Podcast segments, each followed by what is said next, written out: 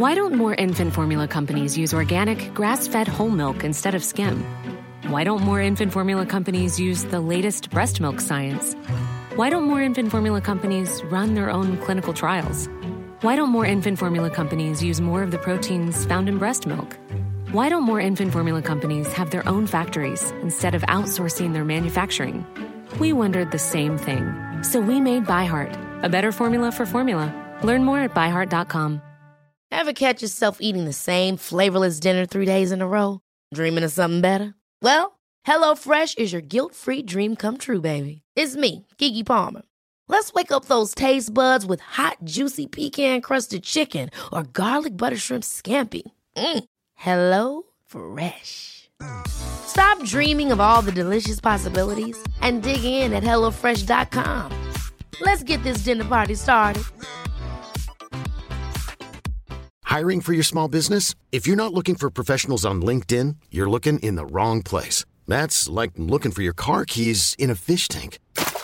LinkedIn helps you hire professionals you can't find anywhere else, even those who aren't actively searching for a new job but might be open to the perfect role. In a given month, over 70% of LinkedIn users don't even visit other leading job sites. So start looking in the right place. With LinkedIn, you can hire professionals like a professional. Post your free job on linkedin.com slash achieve today.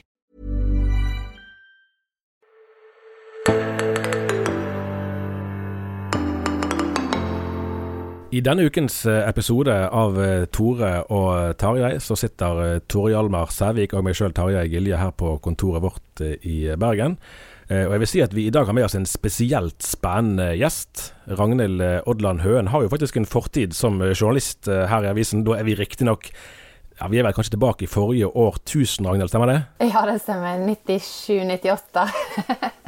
Ja. Det årtusenet så hadde også folk som Harald Stanghelle og Tom Christiansen og ja, vi kunne fortsette Byline i dagen. Så det, det er et viktig årtusen i dagens godt, historie. Meget godt selskap. det, var en fin, det var en fin start. Du har hatt uh, mange forskjellige spennende jobber, Ragnhild. Og noen vil nok huske at du konverterte til katolsk tro for tolv år siden, vel. Det skal vi komme litt tilbake til. Akkurat nå jobber du som kommunikasjonsrådgiver i Norges Korforbund. Jeg hadde stor glede for en måned siden når du delte en sånn fabelaktig koronaversjon av Noen livnede i Lunder. Ja. der, der, folk var på mange steder sant, og sang hver sin strofe, sånn som vi har sett en del eksempler på. Det er jo en veldig flott og kristelig sang, det. Ja. Av Elias Blix. Nettopp.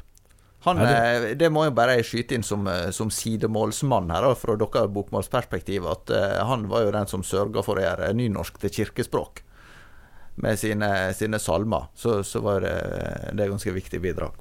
Ja, Vi arrangerte jo Hele Norge synger hver søndag fra palmesøndag og frem til 17. mai. Og No livna det i Lunde var faktisk med på tre av sendingene, så det var en, en høydere. Såpass, ja. ja. Ja, det var veldig fint. Det var veldig fint. Sånn er det når jeg er prosjektleder. ja, den, den, blir jo egentlig ganske oppbyggelig mot uh, slutten. Skikkelig. skikkelig. Når, vi med vigsla tunge mm. med Kjærlighet, heil og klår. Ja, vi, det, vi, gikk gjennom, vi, vi, kunne jo begge de siste versene på Ramsborg, du og meg, Alma. Det var jeg fornøyd med ja. her uh, innen dagen. Alt uten brest og sprunget skal prise eller love Herren vår. Jeg lover, tror jeg det er Herren, herren vår. Og Det er jo en veldig sånn kløktig, kløktig å sette sammen uh, altså naturen, det som alle kan se og observere, og sette det i Guds lys. Det er jo egentlig en veldig god, et godt eksempel på å forstå verden i, i lys av av den kristne tro. At dette ikke bare er noe som eksisterer ved siden av det, det virkelige livet, men at det er tvert imot det som omkranser uh, det virkelige livet. Mm. Så, sånn sett så uh, snakker vi litt i forkant uh, om hva du var opptatt av for tida. Og det du trekte fram da, var de endringene som skjedde skjedd i forståelsen av rammene rundt det at et barn blir til i, eh, i, Norge. Hva som gjør at det, eh, det var et tema som du eh, sjøl ville trekke fram? Altså, det er jo en veldig konkret eksempel på hvordan den sekulære, sekulære normløsheten inntar lovverket vårt. Og, og hvor vi forlater det kristne menneskesynet og, og, liksom inkarneres inn i lovene vi lager i dag. Um, det er liksom den stikk motsatte prosessen av det vi hadde da kristenretten kom til, til, landet vårt. Og menneskeverdet ble innskrevet i det innerste av lovene våre. Eh, og nå, nå, går vi i den motsatte retningen. Så for meg, da, som er i tillegg fylkesstyremedlem i KrF, så er jo dette en kjempeviktig sak. Jeg er òg styremedlem i Menneskeverd fordi dette er så viktig for meg. Disse sakene som handler om hvor mye er et menneske verdt, og hvem skal få bestemme hvem som, hvem som skal få leve. Det er jo det vi faktisk driver på med nå. At noen har blitt gitt makten til å bestemme hvilke mennesker som skal få lov til å leve, og hvilke som ikke får lov til å leve. Hvordan vurderer du eh, debatten som foregikk, både den som var i Stortinget 26. mai, men òg den som var i uken eh, før? Altså, eh, der er jo en, en Kristelig Folkeparti trekker jo gjerne frem etikken sant? og tanken om menneskeverdet. Eh, og det er vel ingen av de andre partiene som sier at de ikke bryr seg om etikk, eller at de ikke eh, støtter menneskeverdstanken, men, men, likevel er det veldig forskjellige posisjoner som blir eh, synlige. Ja, jeg syns jo Kristin Clemet sin kronikk nå var veldig god. På, da hun svarte eh, Hilde fra før Jonsson, som var mer sånn Ap-pro. Mm. Og da sier Kristin Clemet Hun går inn på dette med Ap og SV, hvor, hvor, lite villig de er til å snakke etikk. Altså Det eneste du hørte, var da eh, Jonas Gahr Støre henviste til at han, han hadde en samvittighet, han òg, altså. Han stemte i tråd med samvittigheten sin. Men det var jo ingen etiske refleksjoner rundt det som skjer. Og det synes jeg er, er veldig skremmende. Og det er jo det som gjør at jeg føler meg mer i slekt med Høyre, som har denne etiske bevisstheten.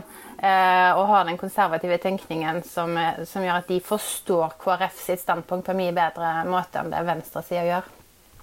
Du har jo arbeidet som kommunikasjons... Eh, eller du var vel var det, stort rådgiver, i hvert fall i KrFs stortingsgruppe. Det var vel ikke bare kommunikasjon, det var vel òg politikk, for så vidt. Eh, så du har jo, du har jo gått i gangene der, og, og liksom blitt sikkert kjent med folkene òg i Politisk kvarter husker jeg en av dagene rett før avstemningen, så, så spurte programleder ja, men hvis du skal ha full informasjon og, og full frihet, hvorfor, uh, hva er da skranken for å, for å hindre selektering av jentefostre? Uh, og da, da slo jo etikken inn hos Arbeiderpartiet at det ville de jo ikke ha. Så der er jo en etisk refleksjon hos de òg. Men, men hvordan, hvordan, forstår du det at, at, de problemstillingene som har vært oppe her, med, med konsekvensene for barn med Downs syndrom f.eks., at det virker det ikke som de vil legge så mye vekt på. Nei, altså Det er veldig merkelig, fordi de skjønner at når det kommer til seleksjon av jenter og gutter, så skjønner de at det er feil.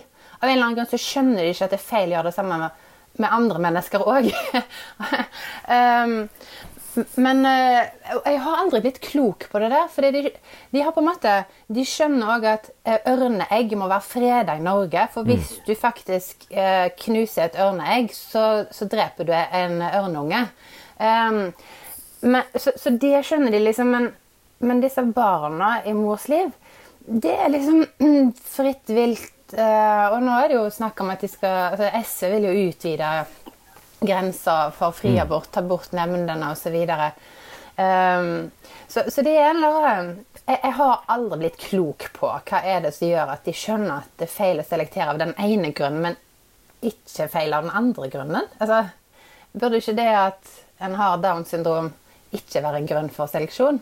Um, men jeg tenker altså, KrF ble jo veldig kritisert for å bruke ordet sorteringssamfunnet.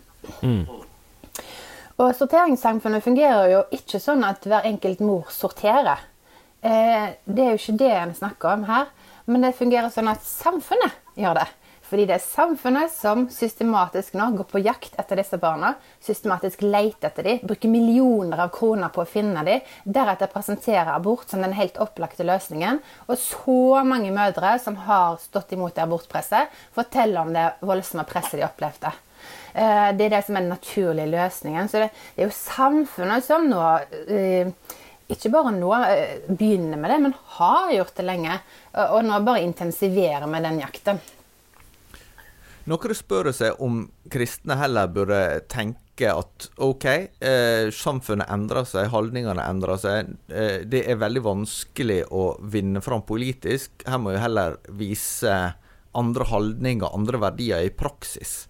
Hvordan tenker du om, om, forholdet mellom det? Da viser en kanskje til de første kristne som hadde lite politisk makt, men var i stand til å, å, snu samfunnet fordi en viste helt andre holdninger og helt annen praksis. Um, samfunnet var veldig annerledes for 2000 år siden og i dag.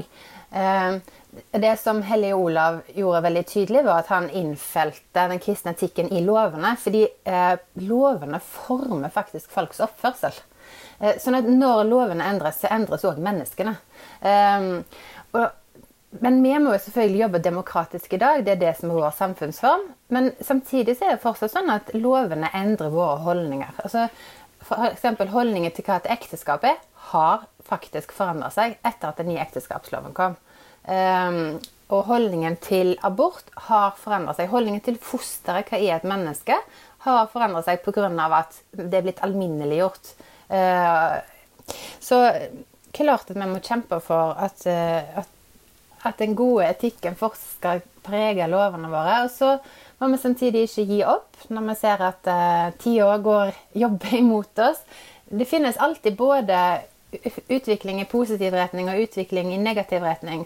Og vi skal være lys og salt i samfunnet. Vi skal være de som påvirker i den gode og strider den gode striden og påvirker i den gode retningen.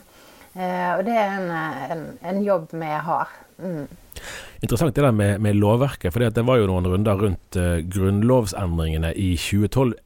Vi kan jo nesten kalle det for en litt sånn grunnlovsnostalgi. Sant? At Nel snakket om at Norge ble, ble avkristnet i og med Eh, de, de, endringene som fant sted. Eh, og så må ikke vi glemme da at både abortloven og ekteskapsloven jo ble innført med den gamle. Eh, den gamle paragraf to i, i Grunnloven om Norges religiøse bakgrunn. For du kan jo liksom komme der at Og det er kanskje noe av det som blir kritisert både i USA og hos en del på liksom det kristne høyre i Norge, at man liksom vil skyve, skyve lovene foran seg fremfor å ta, tenke over, nettopp som du sa nå, hvordan lovene ble etablert, altså hva som var bakgrunnen for det. Samtidig som man på den annen side kan miste av syne nettopp lovverkets eh, normerende kraft, på den måten at lovverket påvirker oss.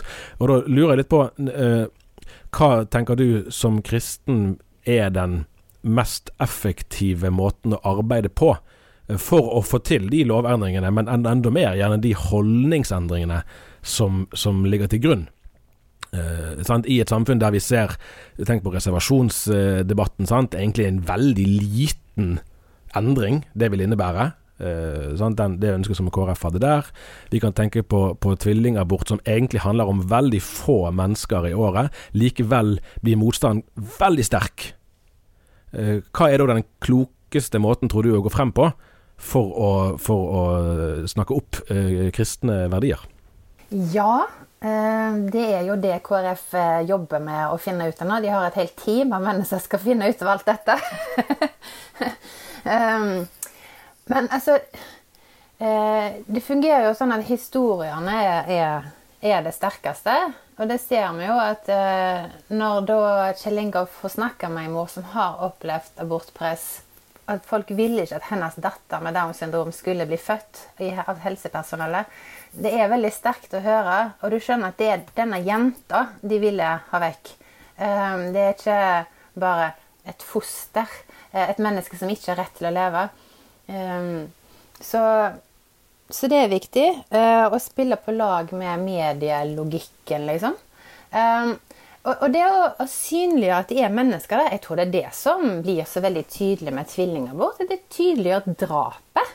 Ja, altså, jeg er forsiktig med å bruke det ordet til vanlig i debatten. Fordi at Jeg vil ikke at folk liksom skal lukke ørene før jeg har begynt å snakke. Og det er jo det som skjer hvis jeg kaller det for det.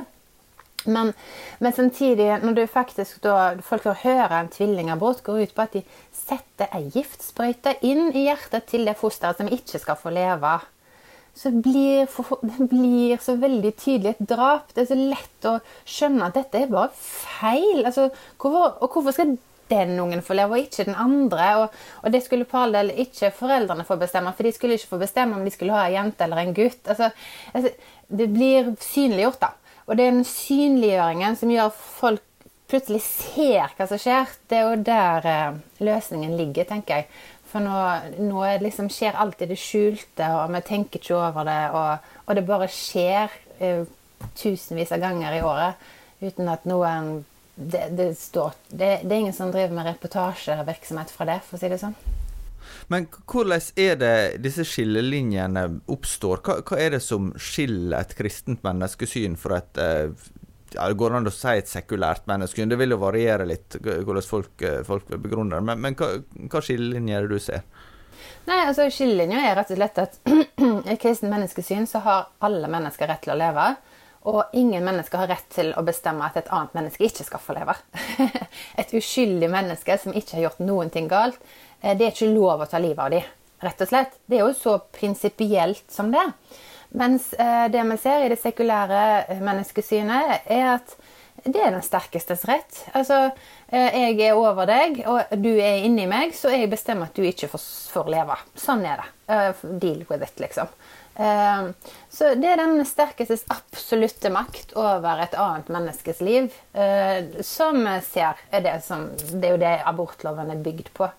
Mm.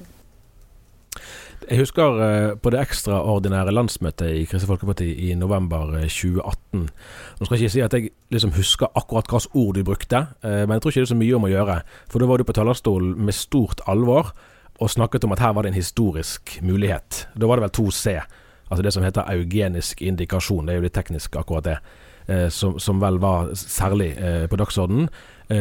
Eh, og så har jo nå, det var jo du så vidt innom i sted med, med Frafjord Jonsson og Kristin Clemet, altså det har, det har blitt kritisert at KrF eh, har, eller den siden i KrF som vant, har liksom eh, oversolgt eh, potensialet. Så kunne jo, man kunne jo ikke vite den gangen der hva, altså hva som ville skje. Men, men, hvordan ser du nå på den kampen der? Eh, hvilke interesser har den eh, tjent, når vi snakker om, eh, om livsvern? Mm. For meg så var det helt opplagt at vi måtte utforske den muligheten som fantes der.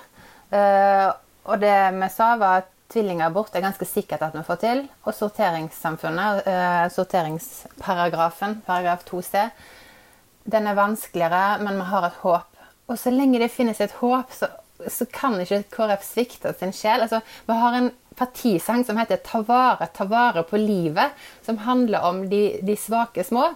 Eh, så for meg så det, det, det, går rett inn i hjertet av hva er det KrF er til for, og hvorfor er det jeg driver med politikk? Eh, det er jo for å beskytte de aller svakeste, de som ingen andre taler for. Um, så vi prøvde. Vi gjorde alt det vi kunne. og vi visste det kom til å bli tøft. Uh, mm.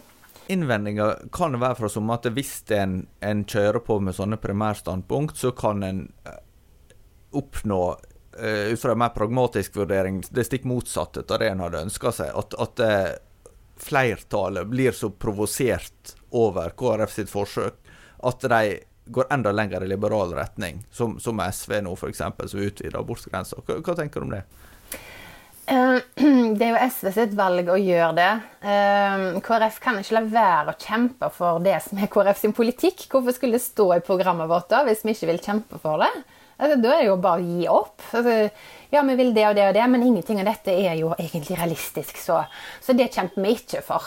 Altså, det går jo ikke an å ha den tilnærmingen til politikken. Så nei, for meg så er det Ser du muligheter, prøv å gripe de. Selvfølgelig skal du være klok. Selvfølgelig skal du prøve å ha god dialog og samarbeide på tvers av partier og alt det der. Det, men det gjorde jo KrF òg.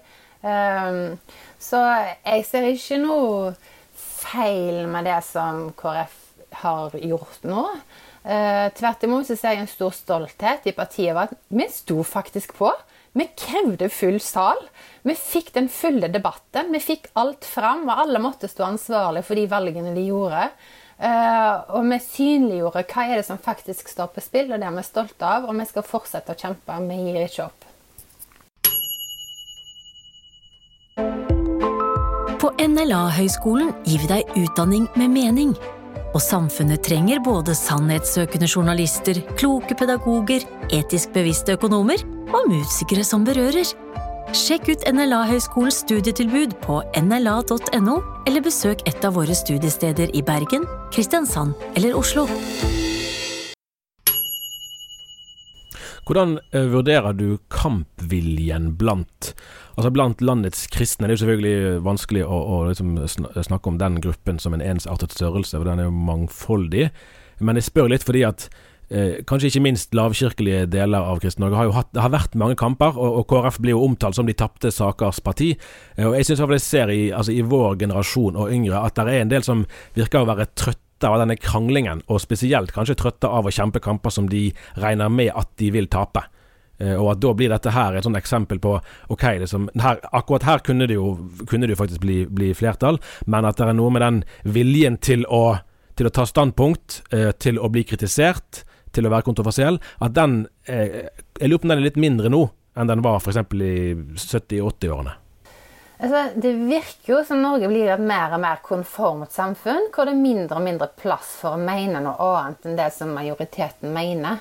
Det koster mer og mer, rett og slett. Det er kjipere og kjipere, og det blir også utsatt for mer og mer debatt.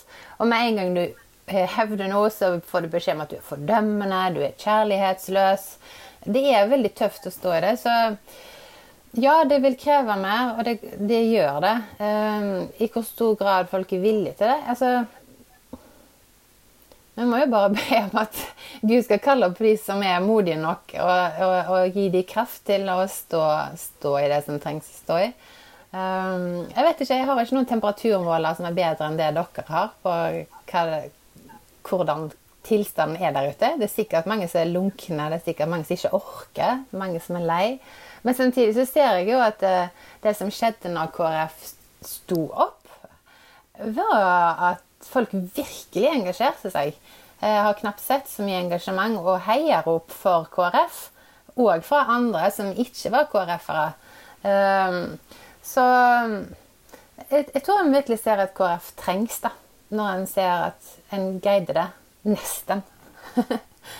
Med de kirkelige tilknytning så har du naturlig et eh, internasjonalt utblikk. altså Både med at eh, den katolske kirke er så mangfoldig eh, kulturelt i Norge, men også med at den, den er jo verdensomspennende.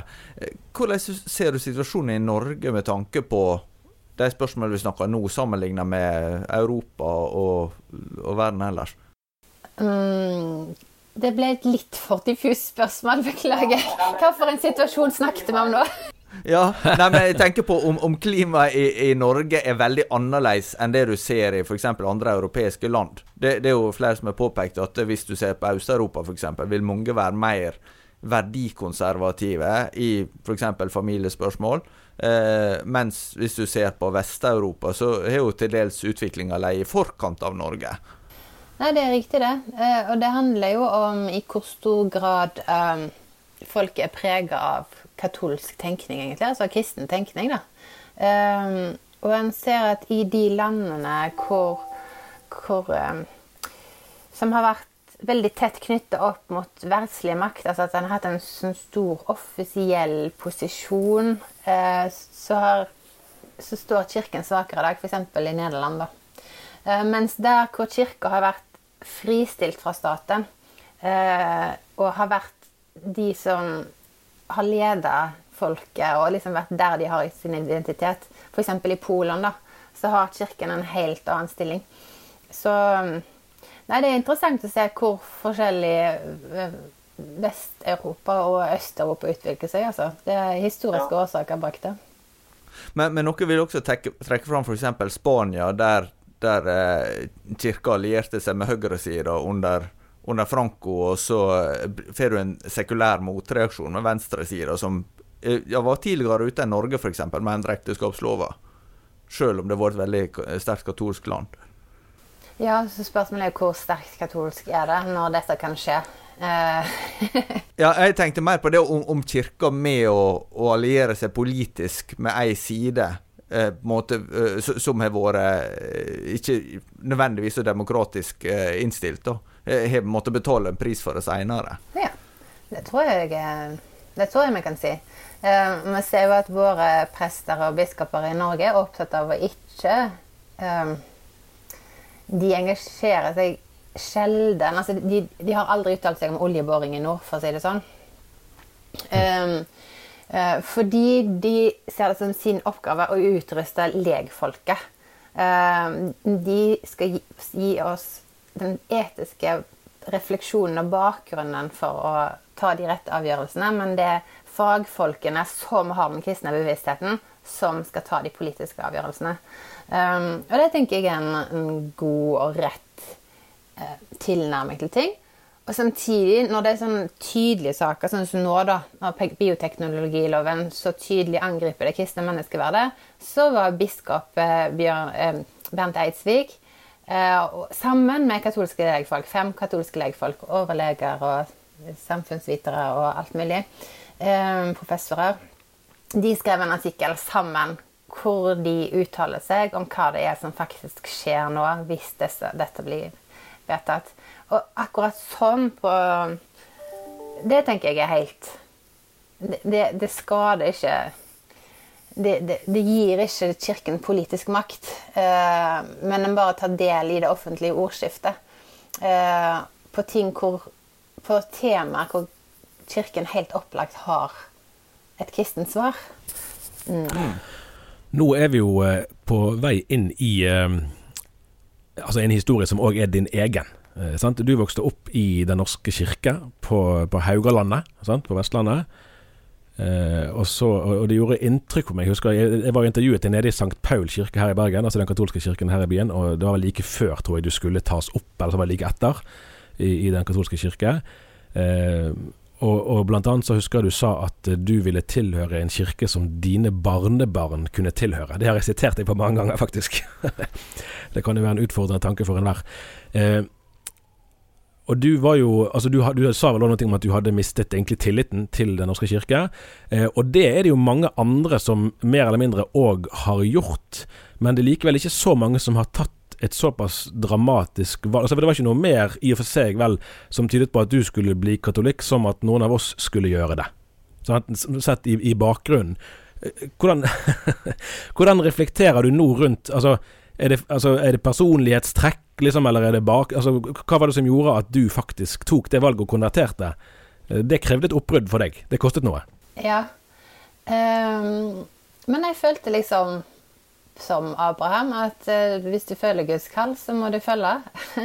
eh, og for meg, det handler jo bare om en utrolig tørst og sult etter skikkelig næring og, og rent vann. Um, så det var med det at jeg, jeg trenger troens fylde da, for å overleve i et sekulært samfunn. Så, så kan jeg ikke ha noen sånne utvanna varianter av kristentroen. Uh, og det er det som er det, det, som er den katolske tro. Katolsk betyr alminnelig, universell. Og det er liksom bare den helt vanlige kristne troen, sånn som den blir trodd overalt til alle tider. Det er det som er definisjonen. altså Mange kaller det da klassisk kristen tro, men det er jo det vi snakker om. Bare sånn helt vanlig kristen tro. Um, så når jeg kjente at ok, jeg kan ikke være her, hvor er det den helt vanlige kirka er, da? det må jo finnes et sted! Nå er det jo gått rett over ti år siden du kommenterte. Jeg husker du var på et, eh, et seminar var det det som het Kirkelig fornyelse. Jeg tror det var i 2009 eller 2010, altså like etterpå. Og du snakket om at du, du var forelsket i kirken. Det tror jeg aldri jeg har hørt noen si, verken før eller siden. Det var et uhyre fascinerende utsagn. Eh, hadde du, altså, tenker du at eh, mange flere kommer til å gjøre som deg, bare de får litt tid på seg?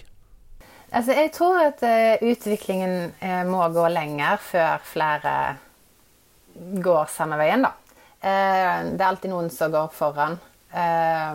Arild Romerheim skrev før jeg konverterte, så skrev han om Professor på MF, sant? Rektor Nei, ja, professor på ja. MF. han skrev om hvordan han tror at mange kommer til å gå inn i Den katolske kirke på våre barnebarns tid, skrev han. Eh, og jeg ser jo det at det er veldig mange av de som går inn i Den katolske kirke i dag, det er ikke prestene sjøl, men det er prestene sine barn. Det er veldig mange prestebarn som, som, som går inn i Den katolske kirke.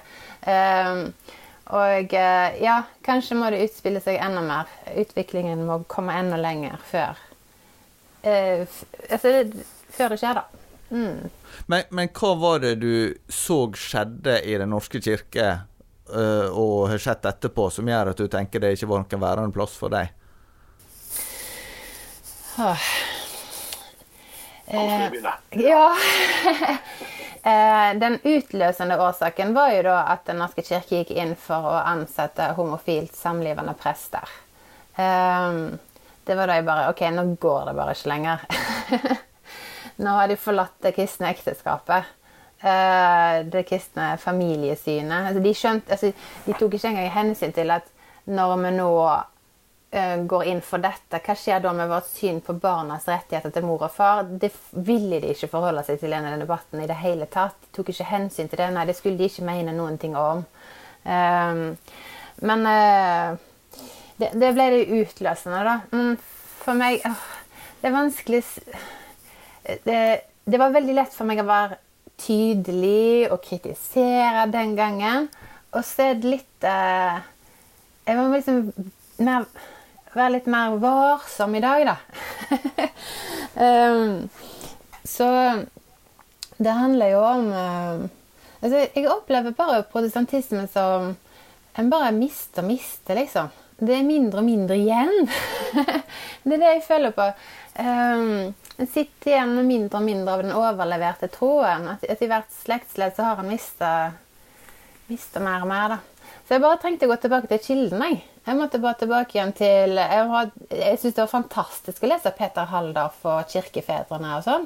Og, og Peter var en god Peter for meg, men liksom jeg kobla på Romas Peter og fikk direkte inngang til liksom en kirke som har bare boom, alle, det, direkte kontakt med røttene der, hvor det aldri har vært borte. Ikke en måte liksom gjenopptages eller det, det var helt uh, fantastisk fint. Uh, og jeg opplever virkelig at det er troens fylde som, som, er her. Og det er fantastisk å ha et lærerembete som taler med troverdighet, og som jeg kjenner at dette er hyrdens stemme. Dette er Jesu lære. Dette er faktisk sant.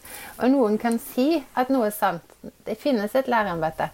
Men så, så, vil jo noen spørre, da Ja, hadde vi en tydelig teologisk konservativ pave med pave Benedikt, og så får vi pave Frans, og så spør folk ja, hvor liberal eller reformvillig er egentlig han, og så blir folk litt forvirra av ting han sier på pressekonferanser på fly og, og, og forskjellig. Eh, eh, og så spør ja, hvor tydelig er jo egentlig det lærerembetet? ja. Nei, altså det som skjer må, Her må du gå direkte til kilden og ikke ta det gjennom media. Uh, fordi det som Du må stole på media. Det, det, det, det må folk gjøre. det var jo en stund sånn at når den uh, uh, den forrige nyhetsredaktøren dere hadde, han ringte meg rett som det. Nå, har, nå sier de at paven har sagt dette igjen. Har han egentlig det? Og da var jeg sånn Nei! um, så det å ha på det ekstra filteret, da, fordi det som, det som, er, det som skjer rundt disse to pavene du nevner, er at uh, pave Benedikt han ble alltid tolka mye mer negativt i, den, i pressen. De, de, likte han ikke fordi han var jo tydelig katolsk. Og, og, og han ble formidla mørkere enn det han var. Eh, mens eh, det de gjør med pave Fransk, er at de, de, prøver å få det til å virke som at han mener det de mener. De drar han hele tida over i en, en, sånn absurditet hvor Nei, det er ikke det han mener. Han bare fastholder faktisk at homofile mennesker har akkurat samme menneskeverd. Har akkurat samme verdighet. Akkurat, blir elsker akkurat like mye av Gud. Og det som er viktig her, er liksom den prosessen hvert enkelt menneske er i med Gud.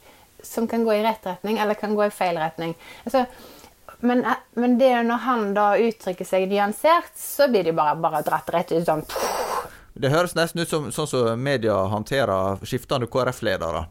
ja, det er veldig mye like. Det, det er godt, man, man, ser det jo, godt eh, tenkt. Man ser det jo i denne Netflix-filmen 'Two Popes'. Sant? At der er det som en fortelling om begge pavene, og den er det som blir liksom befestet. Og at, eh, at Benedikt var en litt sånn eh, kjip type, og Frans er veldig moderne og innovativ. Ja. Og så er de kanskje egentlig likere hverandre enn en det. Benedikt er en fantastisk pave. Altså, jeg tror han kommer til å bli helgenkåret, han òg. Han er den største kirkelæreren. Altså, han kan være at han blir en av de bare noen og 30 kirkelærerne som katolske kirker kårer gjennom tidene. Så er jo Jeg bare elsker pave Benedikt. Eh, for en fantastisk teologisk dybde for han. Du vet jo, Agne, like godt som, som, oss at vi har bak oss 500 år med reformasjonshistorie, og at, at mange nordmenn eh, både før og, og vel nå har følt og kjent på en betydelig avstand Eh, til den katolske eh, kirke. Eh, jeg leste nettopp nå i en bok som professor Ola Kjørom hadde redigert for et par-tre år siden om kirkesamfunn i Norge. Og Der oppdaget jeg noe som jeg ikke var klar over, eller i hvert fall ikke hadde tenkt over. Altså For vi vet jo at det har blitt veldig mange flere katolikker i Norge i senere tid. Mye pga. innvandring både fra Polen og fra land som Vietnam. Og andre asiatiske land. 160 000, 180 det er jo litt, Vi vet jo ikke helt hvor mange det er. Men så sto det òg at 10% av medlemsmassen er etnisk norske. Det var et mye høyere antall enn jeg var klar over. For da er det jo flere norske katolikker enn det er f.eks. medlemmer i Metodistkirken, Baptistkirken, Misjonskirken. Nesten like mange som i Frikirken, som jo er ganske etablerte frikirkesamfunn. Eh, og nå er det jo sikkert fristende for deg å, å, å snakke om at vi kommer til å se mange flere konversjoner, eh, selv om vi har hatt et visst tidsperspektiv. Men allerede her har det jo skjedd da et skifte i sammensetningen av det kirkelige Norge, i at det katolske nærværet har fått en helt annen tyngde enn det har hatt på veldig lang tid i landet. Jeg lurer på hva du tror det kommer til å gjøre med norsk kristenhet, og i de nærmeste årene? Altså, jeg tror hmm, jeg tror en kommer til å se at Den katolske kirkes skatter blir delt med mange flere, og at mange flere henter av de kildene, uten at de nødvendigvis konverterer sjøl, men men deres tro blir mer katolsk. De um, Jeg tror en kommer til å se mange av de oppsøke eh, klostrene som åndelige oaser i en mer og mer sekulær ørken. Uh, og kommer til å, å ha Altså få styrka troen sin der, da. Få reelle erfaringer av av gudsnærvær og jeg tror jeg tror spesielt klostrene kommer til å bety mye for Norges kristne fremover. Det tror jeg. Mm. Men òg at du ser tydelige katolske stemmer i samfunnsdebatten, i, i, de teologiske samtalene. Jeg tror det kommer til å ha noe å si, selvfølgelig. Hvordan opplever du sjøl at uh, relasjonene mellom forskjellige kirkesamfunn har utvikla seg i Norge etter en tid altså du, Husker du fortalte meg en gang at, at eh, da du hadde en venn som ble katolikk, så, så uh, reagerte du ganske sterkt på det, uh, negativt, i sin tid. Eh, og syntes det var utrolig at han skulle ta et sånt valg. Men, men hvor, hva ser du nå i, i det, det, kristne landskapet? Mm. Nei, altså de som har vært katolikker mye lenger enn meg, jeg har bare vært det siden 25.1.2008, eh, de sier at det er før og etter at pave Johannes Paul 2. var i Norge. Og før det var det utrolig mye fiendtlighet. Ja. Det var jo få av biskopene som ville helse på han da mm. han var her. Ja, det var en av de som meldte avbud for han skulle til tannlegen. ja. Har du ikke gjort det i dag, for å si det sånn? Nei, det hadde de faktisk ikke sett i dag. um, det er, det er noen det er, det, det er, både et positivt symptom og et negativt symptom, tenker jeg da. Eh, det positive er jo at vi kjenner hverandre igjen på tvers av kirkesamfunnene. så Gjenkjenner vi hverandre som kristne brødre og søstre. Og trykket fra det sekulære samfunnet rundt oss presser oss på en måte sammen. Og, og det er veldig bra. Um, og, og, for det, vi skal jo være sammen. Jesus vil jo det hele tida. Han ba om det i den uh, i sin ypperste prestelige bønn så ba han om og om igjen Herre, jeg ber om at de må være ett, like som du og jeg er ett. Jeg ber om at de må være ett for at verden skal tro. For at verden skal tro at du har sendt meg. Så, så dette har jo med vårt guddommelige oppdrag, misjonsoppdraget vårt, skades når vi ikke er sammen. Det er kjempebra at barrierene brytes ned, og at vi begynner å, å jobbe sammen. Så det er det positive tegnet. Eh, men det er òg et symptom er redd for, da, på mindre konfesjonsbevissthet, på mindre bevissthet rundt troens innhold, rett og slett. En, en har ja, mer bevisstløshet rundt det. En har ikke like stor kraft til å holde fast ved den troen du har fått overlevert. Um, og det er jo um, ikke så bra, da. hm. Dette var virkelig til ettertanke. Vi kunne ha snakket mye lenger. Jeg tror kanskje vi får ta en samtale til litt frem i tid. Ja. Jeg kommer gjerne tilbake igjen. Men i denne omgang så tror jeg vi får si eh, takk for nå. Eh, hvis du eh, hører på dette og ikke er abonnent eh, på dagen, så, så kan du faktisk bli det. Tor Jarland pleier å si at det er opptil flere abonnement ledige. Så det er på nettsidene finner man opplysninger om det. Ellers eh, er vi tilbake neste uke. Takk skal du ha, Agnhild. Takk, takk.